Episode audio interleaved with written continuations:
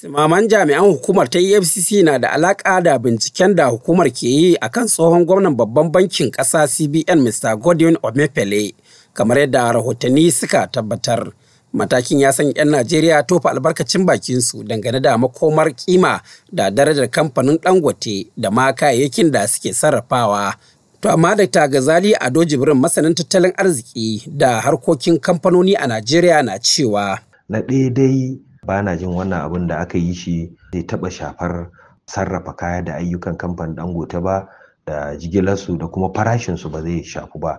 Amma wannan ba zai iya hana kasa shafar kasuwar hada-hadar jari da farashin hannayen jarin dangote ba. Al'amarin dai na zuwa ne a daidai lokacin da rahotanni ke cewa Alhaji Aliko Dangote mamallakin rukunin kamfanonin Dangote wadda ke da rassa a ƙasashen Afirka fiye da goma. Likafarsa ta yi ƙasa ta kasancewarsa attajirin da ya fi kowa kuɗi a nahiyar ta Afirka. Sai dai Dr. Kabiru Sa'idu Sufi ɗan kasuwa kuma masanin kimiyyar siyasa tattalin arziki ya yi tsokaci. Za a iya cewa wataƙila bai zo da mamaki ba duba da matsalar tattalin arziki da ƙasar ta shiga da kuma faduwar darajar naira. Wannan ya sa an yi hasashen cewa wannan zai shafi wato daraja ko matsayin masu kuɗin ƙasar nan a lissafin da ake yi na duniya. Sannan kuma in aka duba za a ga bambancin da ke tsakaninsa da wanda ya haura shi a halin yanzu shi johan rupert dan ƙasar south africa. Ba bambanci ba ne mai wani yawa sosai. Baya ga kamfanin Dangote kamfanoni fiye da hamsin ne dai hukumar ta EFCC ta ce tana bincikar yadda suka yi ta'ammali tsakaninsu da babban bankin ƙasa CBN da sha'anin kuɗin dala da sauran kuɗaɗen ƙetare cikin shekaru goma da suka shuɗe. To ko hakan ka iya ta'azzara makomar tattalin arzikin Najeriya wadda ke fama da mashashara a yanzu? Dr. Gazali ya yi tsokaci. Ba zai jawo ba, sai dai ma zai iya ba wa tattalin arzikin Najeriya ta goma shi a nuna cewa gwamnatin Najeriya da gaske take ta hana almundana kuma ba za ta ƙyale kamfaninnika su yi abin da yake ba daidai ba.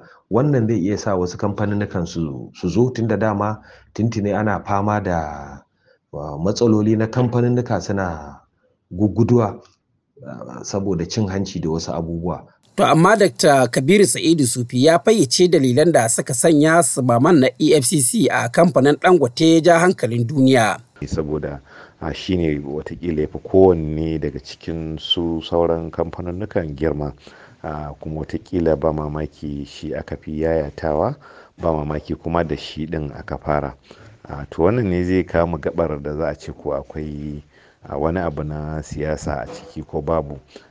To ina ganin kamfanin ba shi da dangantaka da siyasa. Sai dai wataƙila za a iya cewa in akwai siyasa siyasar ta shi wanda ake bincike ce. Cewa wasu daga cikin abubuwan da ya yi lokacin yana gwamnan babban bankin kasa wataƙila ana hasashen cewa suna da dangantaka da siyasa kamar canja fasalin kuɗin ƙasa da aka yi. Yayin da masana ke ci gaba da muhawara akan wannan batu hankulan jama'a ya koma kan hukumar ta efcc domin ganin sakamakon wannan bincike nata akan kamfanoni da kuma tasirin da zai iya yi ga makomar tattalin arzikin Najeriya. Mahmud Ibrahim Kwari, muryar Amurka daga Kano, Nigeria.